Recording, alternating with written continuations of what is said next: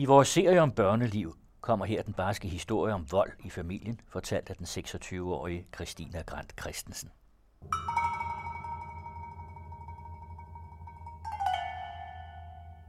Til at starte med går det rigtig, rigtig godt. Det kan jeg selvfølgelig ikke huske, men så vidt jeg kan mærke, og jeg har hørt fra min mor, går det rigtig fint. Lige indtil jeg tre år efter får min lillebror. Min lillebror bliver født med iltmangel og er helt blå i hovedet ved fødslen. Og øh, lægerne vil rigtig gerne undersøge ham videre for veje men af det her iltmangel her. Men min far mener ikke, der er noget galt med hans dreng. Der er ikke noget galt med hans dreng. Vi skal bare hjem og være en familie.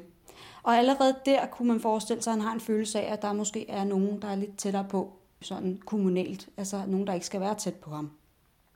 Men han skal altså bare hjem.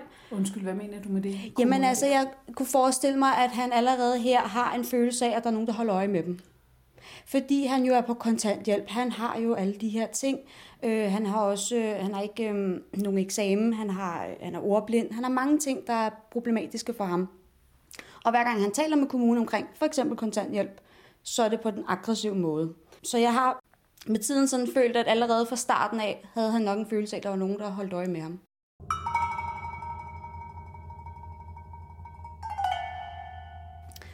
Første gang, jeg oplever min far som værende voldelig, det er, da jeg er omkring 5 år gammel. Og min lillebror, han er en 2-3 år gammel. Han havde, han havde næsten ingen, ingen sprog overhovedet. Og han sidder her til den her, på den her episode, sidder han faktisk og spiller et spil. Og fordi hans sprog er så dårligt, så mumler han meget, når der er noget, der, når der, er noget, der ikke fungerer for ham. Øh, og bliver hurtigt hysterisk. Og det kan man også sige, det gør børn på en 2-3 år i forvejen, hvis der er noget, der ikke huer dem.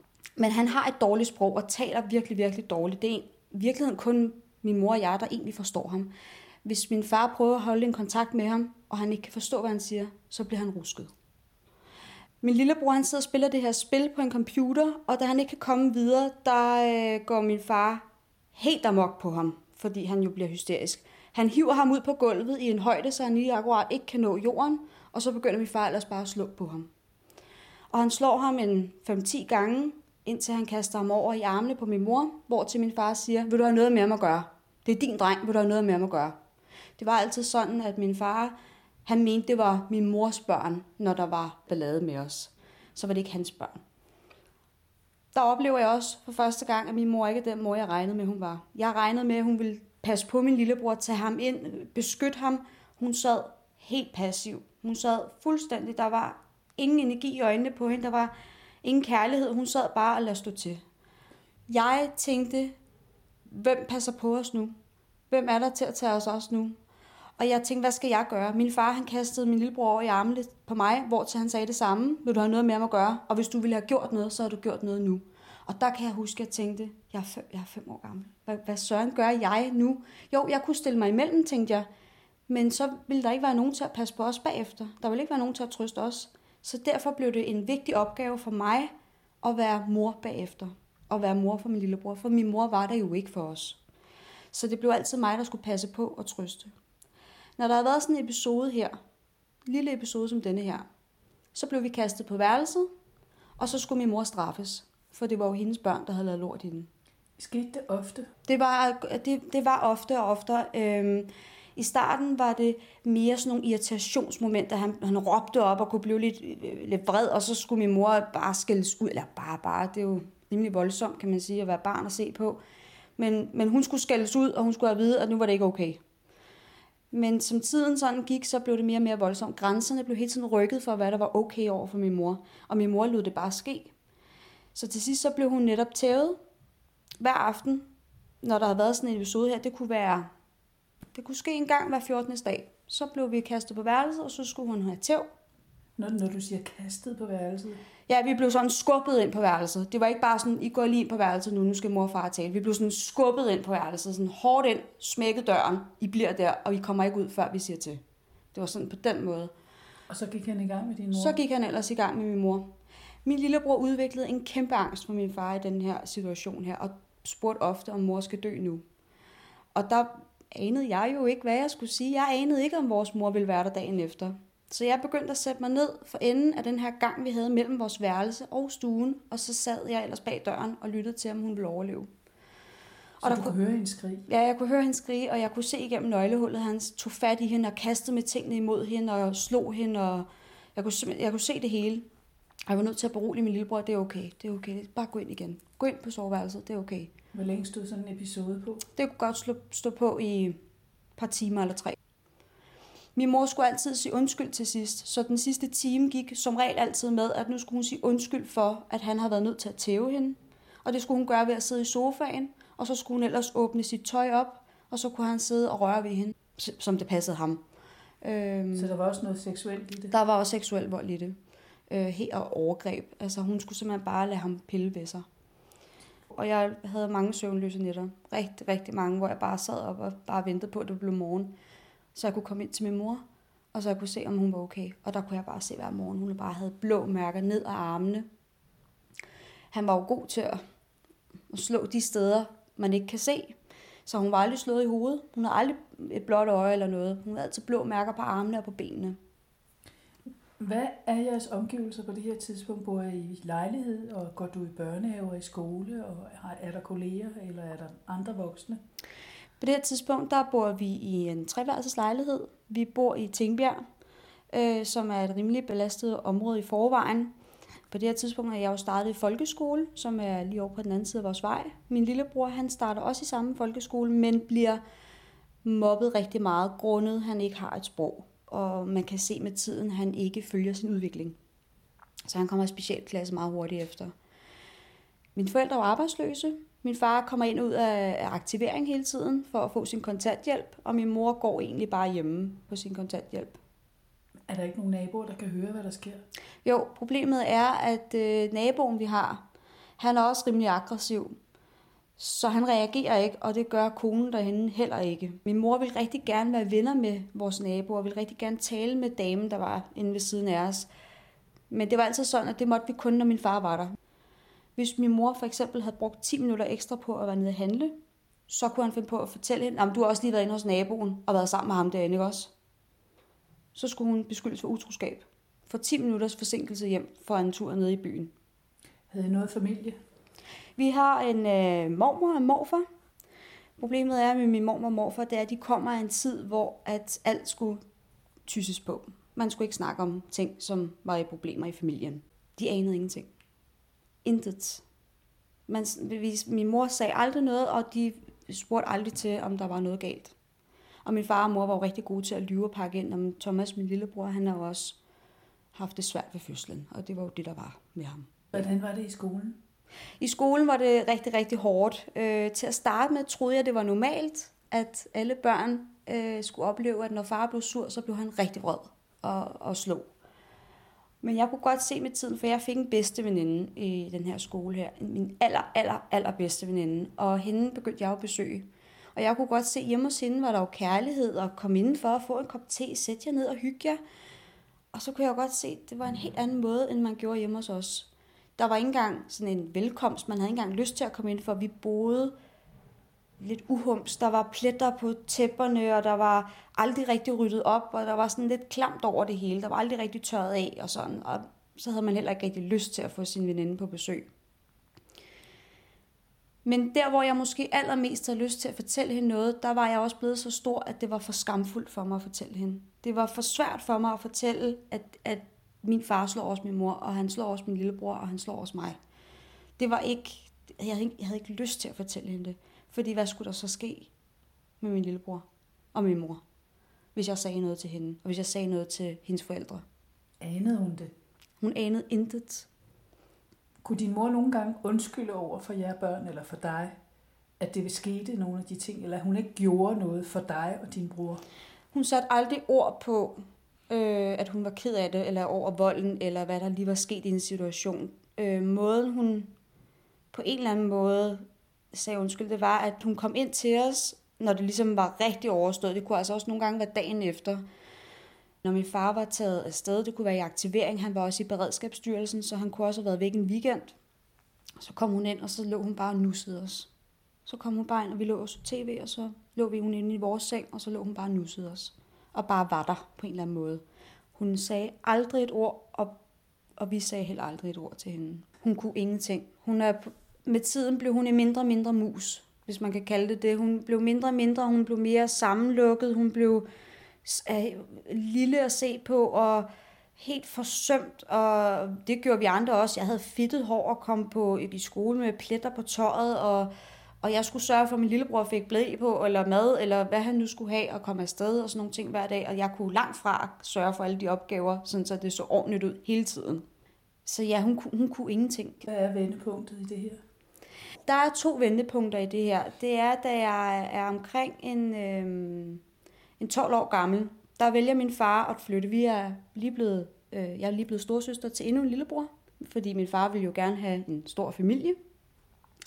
Og øh, min lillebror bliver desværre også øh, rystet rigtig meget som, som øh, spæd. Øh, hver gang han skriger efter mad, bliver han rystet. Så han er det, man kalder shaken baby i dag. Og er 13 år, og er desværre mentalt er han kun 8. Min far vælger at flytte. Han er dybt racistisk, og han mener ikke, at Tingbjerg er et rigtigt sted at bo. Sandheden er, at skolen er begyndt at få øje på os. Og de begynder at lave indberetninger til kommunen. Og så vælger han jo at flytte. Lige med det samme. Jeg får ikke engang lov at sige farvel til min veninde. Jeg starter en ny klasse og regner med, at nu bliver det på en ny måde. Det bliver en frisk start. Problemet er, at det starter forfra. Det er det samme om igen. Vi flytter til Nordsjælland, vi flytter til Nærum, fordi det skal være et ordentligt sted. Og øhm, der spørger min nye klasselærer mig, for jeg begynder at lyve rigtig meget i skolen. Jeg begynder jo at fortælle, at jeg laver film i USA, øh, og det er derfor, jeg ikke laver lektier, og det er derfor, jeg gerne må være træt. Sandheden er, at jeg har siddet op hele og halve nætter for at se, om min mor overlever den her vold, som hun er udsat for. Og jeg får ikke nogen nye venner i den her klasse, så min skolelærer kommer over og spørger, om jeg er okay. Og hun synes, hun har hørt nogle historier, som hun gerne vil altså, have lidt uddybende på. Jeg får indirekte fortalt hende, at min lillebror bliver også mobbet. Jeg, jeg fortæller ingenting om vold, ingenting om, at der er noget derhjemme. Jeg siger bare, at min lillebror er også, han har det svært i skolen. Så går der to måneder, så ringer min far helt forbrilsk til min mor, som er nede at handle sammen med mig og min mindste lillebror, helt forbrilsk og siger, I bliver nødt til at komme hjem, politiet står herude. De vil gerne tvangsfjerne min ældste lillebror. Vi kommer hjem og får lov at gå ind uden, min, øh, uden politiet og får lov at få, at få min far ned i mere rolig øh, humør her. Han vil gerne stikke af. Vi bor på første sal. Det går hurtigt op for ham, at han ikke kan komme væk fra det her af. Politiet kommer ind. De tager min lillebror og min mor med. De vil også gerne have mig med. Min far skærmer af. De skal ikke have lov at tale med mig. Så står jeg ellers tilbage med min mindste lillebror, som er spædbarn, og tænker, hvor jeg er glad for, at det ikke er mig, han er sur på lige nu, fordi nu kunne han have slået ihjel. Fordi nu har kommunen taget hans barn. Da min mor kommer tilbage, der bliver vi kørt op til mine bedsteforældre, for nu skal min far sørge for, at det, det kommer til at koste kommunen. Vi bliver kørt derop, og han smadrer ellers hele vores lejlighed imens. Alt bliver smadret. Fotoalbums, de lige har siddet og lavet til mig, sidder og brænder i. Han river smykker, papirer i stykker, han saver i dørene, han ødelægger alt inventar i vores lejlighed. Alt ødelægger han. I den her vrede får han en tanke om, at min mor skylder ham penge. Det skal altså siges, at udover ikke nok med, at hun er udsat for fysisk vold, psykisk vold, seksuel vold, så er hun også udsat for økonomisk vold. På den måde forstået, at den kontanthjælp, hun får, den tager han. Det skal være hans, og det skal ind i et budget, sådan så det passer i det her budget, han har. Nu skylder hun ham penge, og dem skal han have nu. Og vi kan godt høre, at han er rigtig, rigtig vred. Mere end han nogensinde har været. Og han har også en kniv med. Vi ringer til min onkels kammerater, fordi at en ældrebolig kan man sagtens smadre døren på, hvis man gerne vil ind. Og øh, de kommer og holder på døren, og min far han står ude foran og krasser på døren, og han tager sikringerne. Og han vil virkelig gerne ind. Og jeg kan huske, at jeg står her med min lillebror og tænker, okay, skal vi dø, så må vi dø sammen. Der er ikke noget at gøre. I det mindste, så dør vi sammen. Og jeg har aldrig tænkt den tanke før, at jeg skulle dø af, at min far var vred.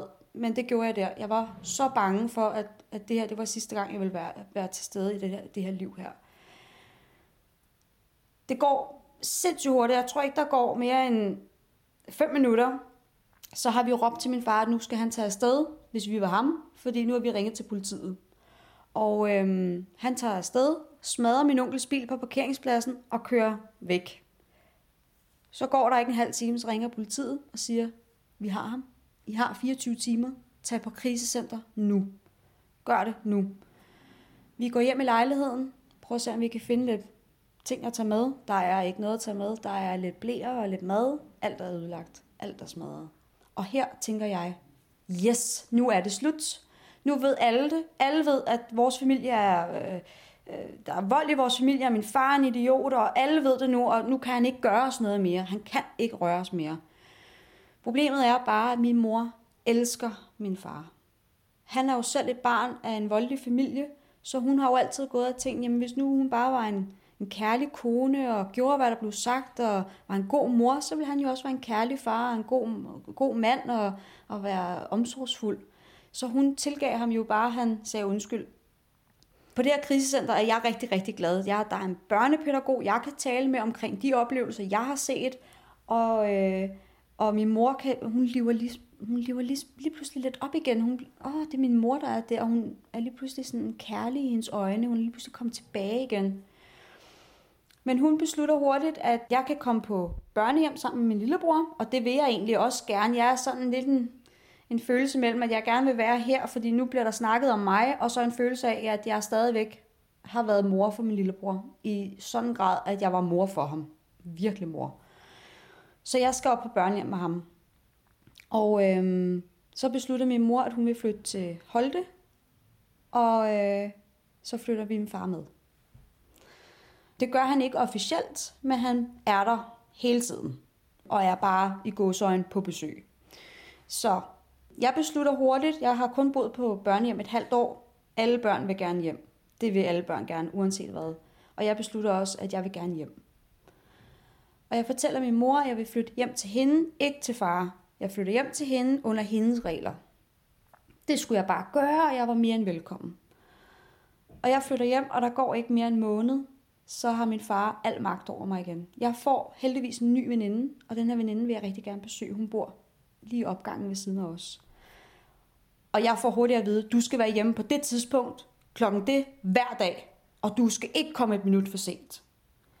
Og jeg prøvede at komme en minut for sent, og så var den samme smør om igen, at min mor skulle have tæv. Han brugte rigtig meget tid på at ydmyge mig. Jeg blev ikke slået så tit. Jeg fik ofte at vide, at jeg var grim og dum og uintelligent. At jeg ikke duede til noget. At jeg sikkert ikke engang var hans barn. At jeg aldrig ville blive til noget i den her verden. Og at det så var min mor og min lillebror, eller min brødre, der fik tævne. Der må der være en meget stor udredning på jeres familie, og også på dig som teenage-pige. Der er en masse møder med mig og kommunen, og med mig og med pædagogerne på det her børnehjem, og med min mor også. Og når man bliver, jeg tror det var 12 år, der har du en, en, du har ikke ret til at sige, hvad du gerne vil på den måde. Du kan ikke, du kan ikke få gennemført de ting, du gerne vil i hele verden, men, men du, du har din ret til at sige, hvad du ønsker dig. Og, og jeg havde et brændende ønske om at komme hjem. Og det skal kommunen lytte til. Og jeg set bagspejlet, jo, så skulle man måske have anbefalet noget andet. Men jeg var en, jeg var ikke 12 år. Jeg var jo meget voksen, og jeg kunne argumentere for min sag. Og jeg skulle bare hjem, og det var helt okay. Og hvad med lærerne? Du gik jo i skole. Jeg gik i skole, ja, og lærerne øh, fik at vide, at nu var der styr på os. Øh, vi var på børnehjem, og det var okay, og nu skulle, det, nu skulle mit sidste skoleforløb egentlig bare gennemføres. Og din mellemste bror blev ved at være på børnehjem? Ja, han bliver ved med at være der.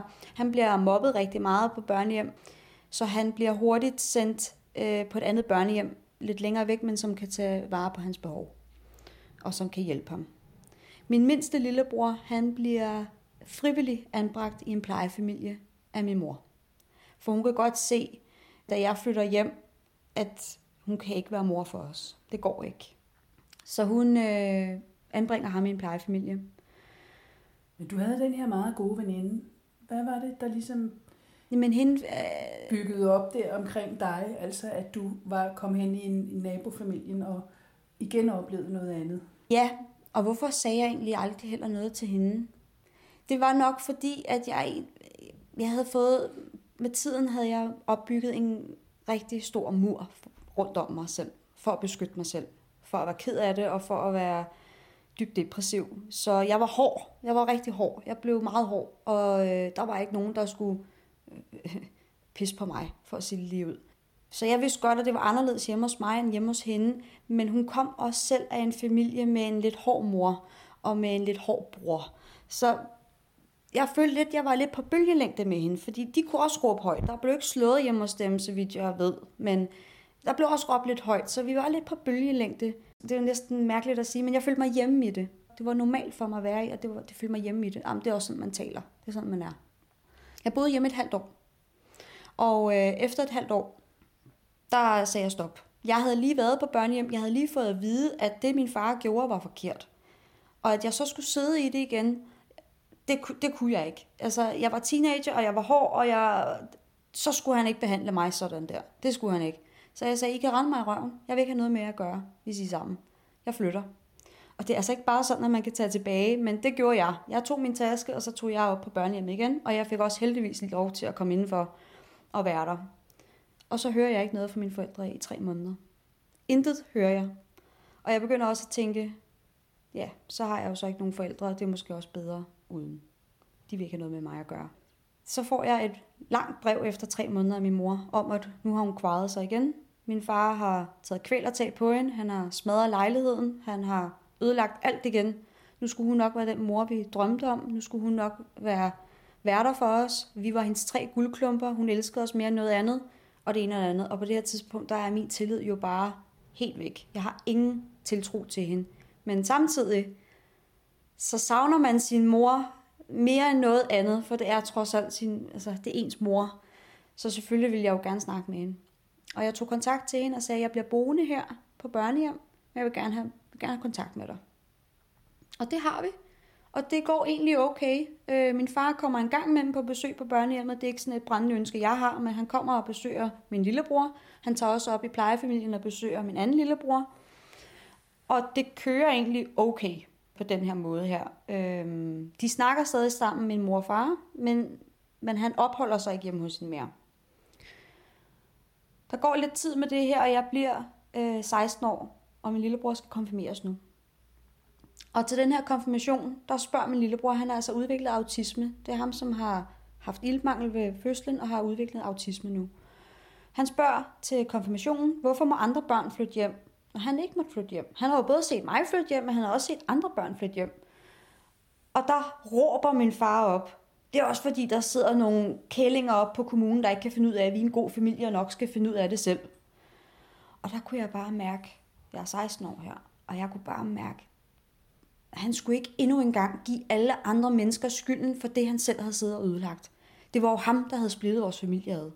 Så jeg rejser mig op for første gang over for min far og siger, prøv at høre, det er dig, der har ødelagt vores familie. Det er dig, der har splittet os ad. Det er dig, der har gjort os til dem, vi er i dag. Det er kun din skyld, det her.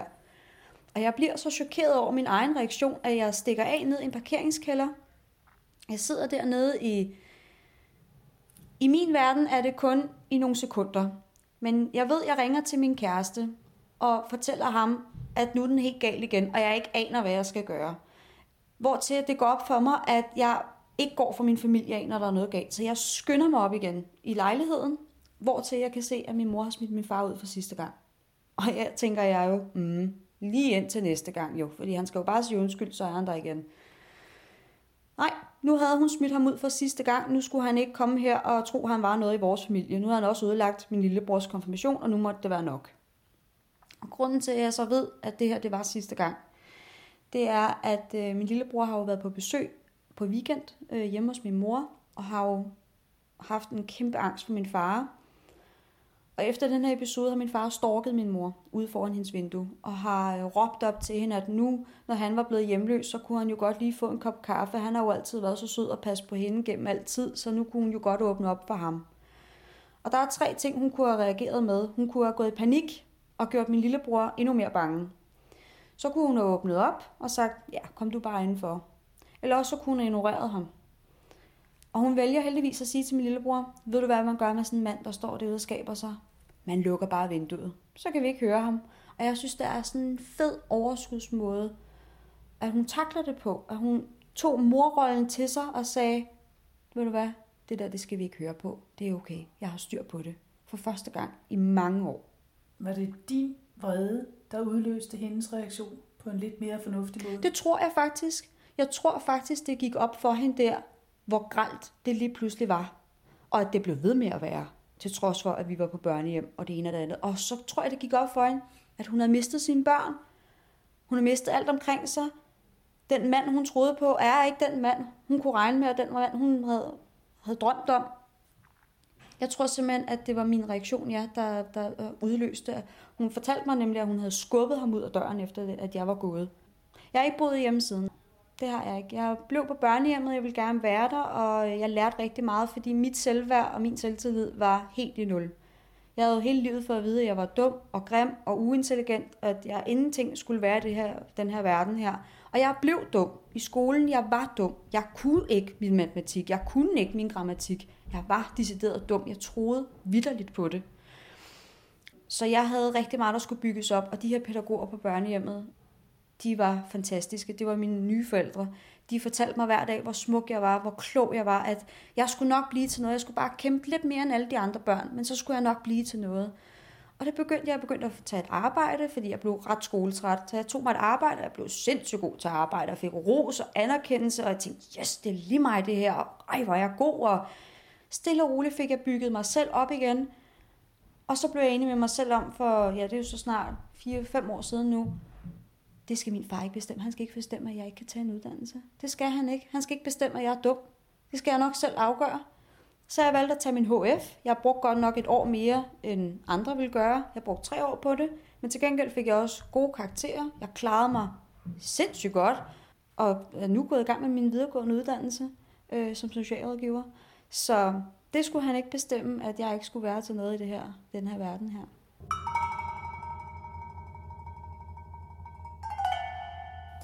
Men det er jo relativt få år, du har været bygget op til den stærke kvinde, du er i dag, i forhold til alle de mange år, der ligger forud.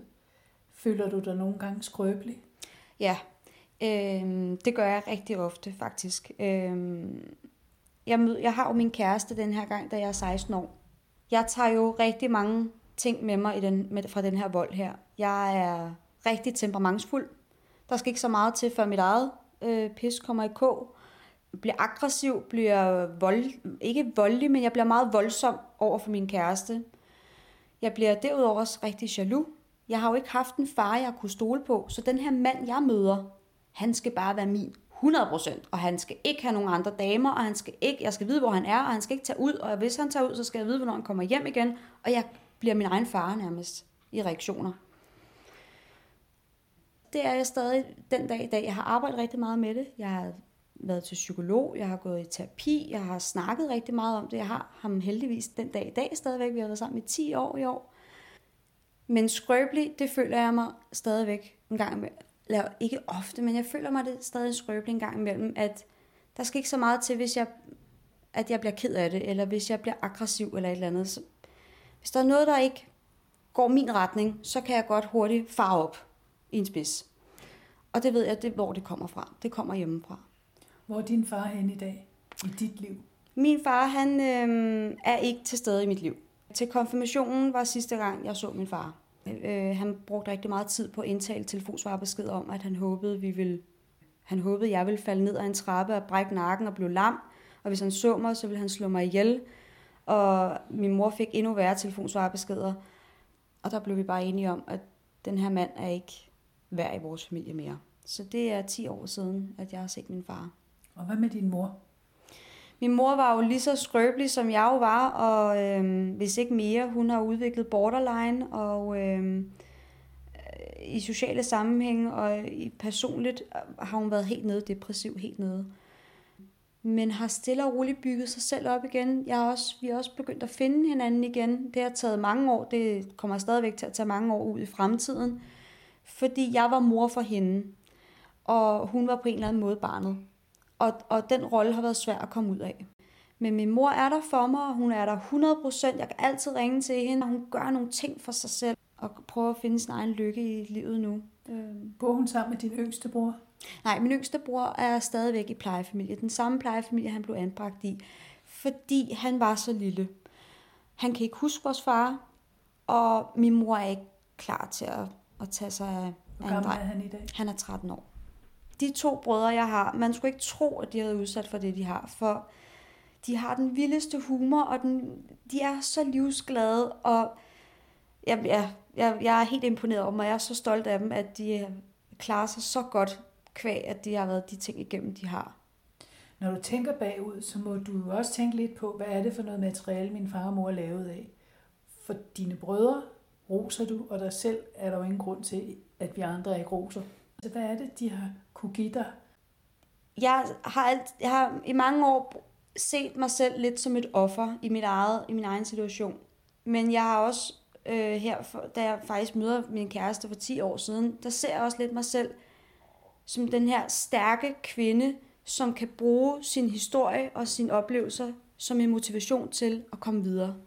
De har også givet mig en anden måde at se verden på, at det ikke er alle mennesker, der har det nemt.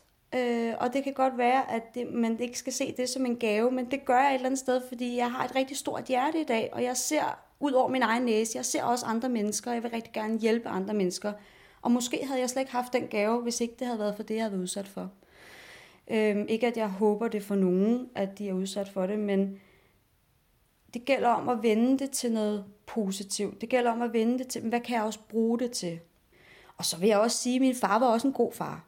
Altså, der var også gode dage.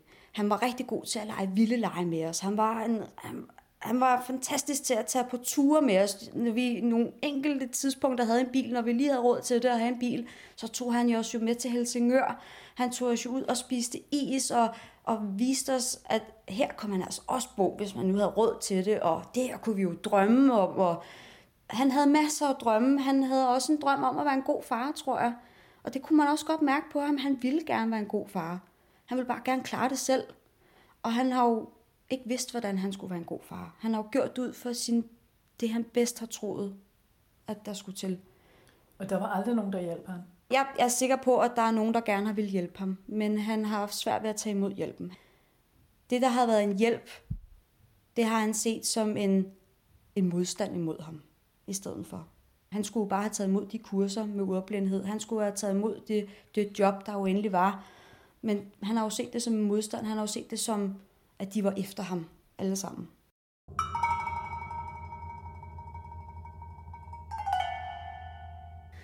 Jeg vil ønske, at jeg havde sagt noget til mine veninder. At ikke fordi de skulle have kunne have gjort noget, men bare det at kunne tale om det. Jeg vil også ønske, at de havde set lige igennem mig.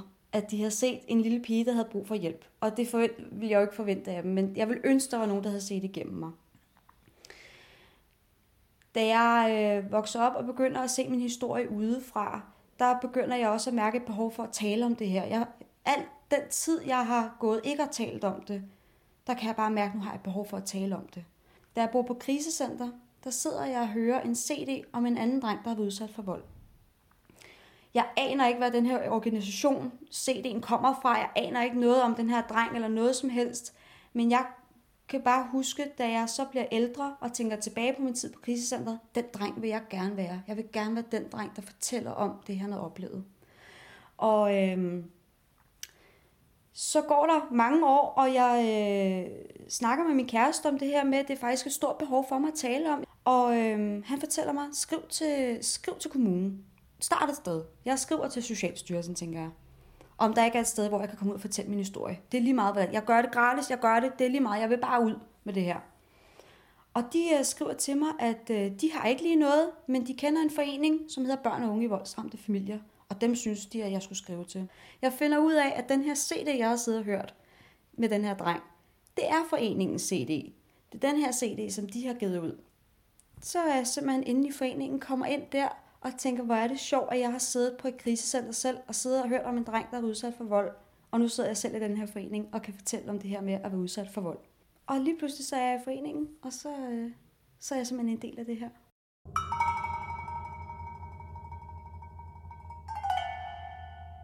Det har krævet at skulle fortælle sin historie om og om igen til psykologer og til børnepædagoger og til i terapi. Fortælle den. Jeg har sågar haft øh, en øh, økse i hånden og været nede og smadre en bil, som jeg skulle lege, var min far, for at få min vrede ud, fordi jeg simpelthen har været så vred på ham og været så indebrændt på ham. Og jeg har skulle tale min historie om og om igen og græde i flere timer om og om igen.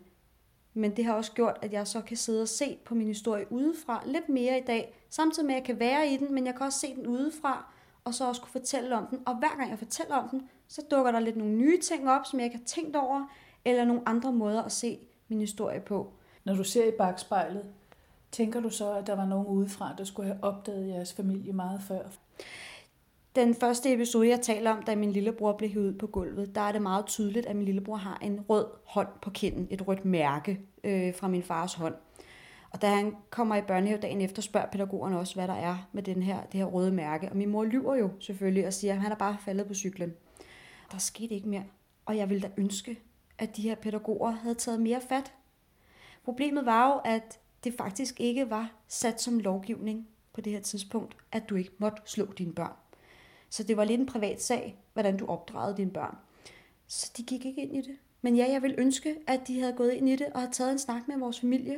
At da jeg starter i skole, at de godt kan se, at jeg kommer lidt øh, med pletter på i tøjet og er meget træt hele tiden og ikke får lavet mine ting, er virkelig dårlig i skolen, virkelig dårlig i skolen. At der ikke er nogen, der kommer tættere på os.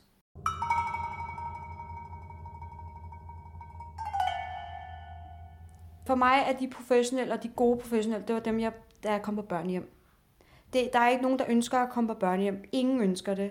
Men man skal prøve at se børnehjem lidt ligesom et sted, hvor at du kan være sammen med andre børn, der har prøvet det samme. I taler samme sprog, og når der er en, der bliver aggressiv, så ved du hvorfor. Okay, det er også fordi, han har noget der og noget derhjemmefra. De pædagoger, der var der, de var simpelthen så dygtige. De var forældre, de var ikke pædagoger, de var forældre, de holdt vidderligt af os. Det gør de den dag stadigvæk. Takket af Facebook selvfølgelig kan vi holde kontakt, og de holder så meget af os den dag i dag også. De anerkendte os. Anerkend dem, vi var. Uden at sige, det er også forkert, det du føler. Det må du ikke føle. Du må ikke være ked af det. Vi fik lov til at være det. Og det vil jeg sige, den dag i dag, altså, det er det, professionelle skal, skal tænke over. Anerkend børnene, at de kommer fra et sted, eller kommer fra alkohol, eller stofmisbrug, eller hvad det, vold, hvad det kan være. Anerkend børnene for dem, de er. Lyt til dem. Få dem til at tale om det. Ros dem. Sørg for, at der sker nogle succesoplevelser i deres liv. At lærerne er lydhøre. At der kommer en lærer hen og siger, jeg synes, jeg, altså, jeg er bekymret for dig. Direkte til barnet. For barnet til at føle, okay, der er tillid imellem os. Tillid er vigtigt. At man ikke bare føler, om det er også læreren, og læreren snakker sammen med min mor og far. Det, det er vigtigt for barnet at vide, at det er læreren og mig, der har, der har øh, tilliden imellem os. Prøv at finde nogen, du har tillid til. Det kan være bedsteforældre. Det kan være din veninde bare. Det behøver ikke at være en lærer eller en, en politimand, du ringer til. Det kan også være din veninde, du siger det til, eller din venindes forældre. Kan jeg ikke komme her og sove hos jer i nat, for eksempel, fordi det er lidt gralt hjemme hos os i nat. Et eller andet, som gør, at du kan få tingene lidt på afstand, så du kan se tingene lidt udefra, og så du bedre rationelt kan tænke, hvad kan jeg gøre? Fordi når man sidder i det, som jeg har gjort, så tænker du kun på at overleve, og du tænker kun på, hvis du har brødre eller søskende, du tænker kun på, at de skal overleve det her. Havde jeg måske siddet over hos min venindes forældre, som måske kunne have givet mig lidt råd og vejledning, så kunne de måske have hjulpet mig med at få sagt noget til nogen, forbudt tavsheden, få sagt noget. Det er det vigtigste, øh, det er at sige noget. Hvad er din rolle herinde? Min rolle her i huset er, at jeg, tager, jeg er foredragsholder og tager ud og fortæller min egen historie om det at vokse op i voldsramt familie. Jeg tager ud på folkeskoler og pædagogseminarer og lærerseminarer. Derudover så har jeg været så heldig at få lov også at være på kontoret, fordi jeg vil jo så gerne arbejde inde i det her felt her. Så at det at kunne få lov at være på kontoret og se, hvad der sker bag om sådan en forening her, og hvad der skal til for at, at øh, komme ud og hjælpe de her børn og unge, det er en stor gave for mig. Men mit hjertebarn, det er at komme ud på de her såkaldte temadage og fortælle børn og unge, at de skal bryde tavsheden. Og jeg, jeg, jeg får så meget tilbage, når de her unge mennesker kommer op til mig og spørger, om det, de har været udsat for, er det det samme, eller er de overhovedet udsat, eller hvor er du sej, Christina, eller ja, det giver mig så meget, at jeg ved bare, det er det rigtige, jeg laver lige nu. Øhm, ja. Tak skal du have.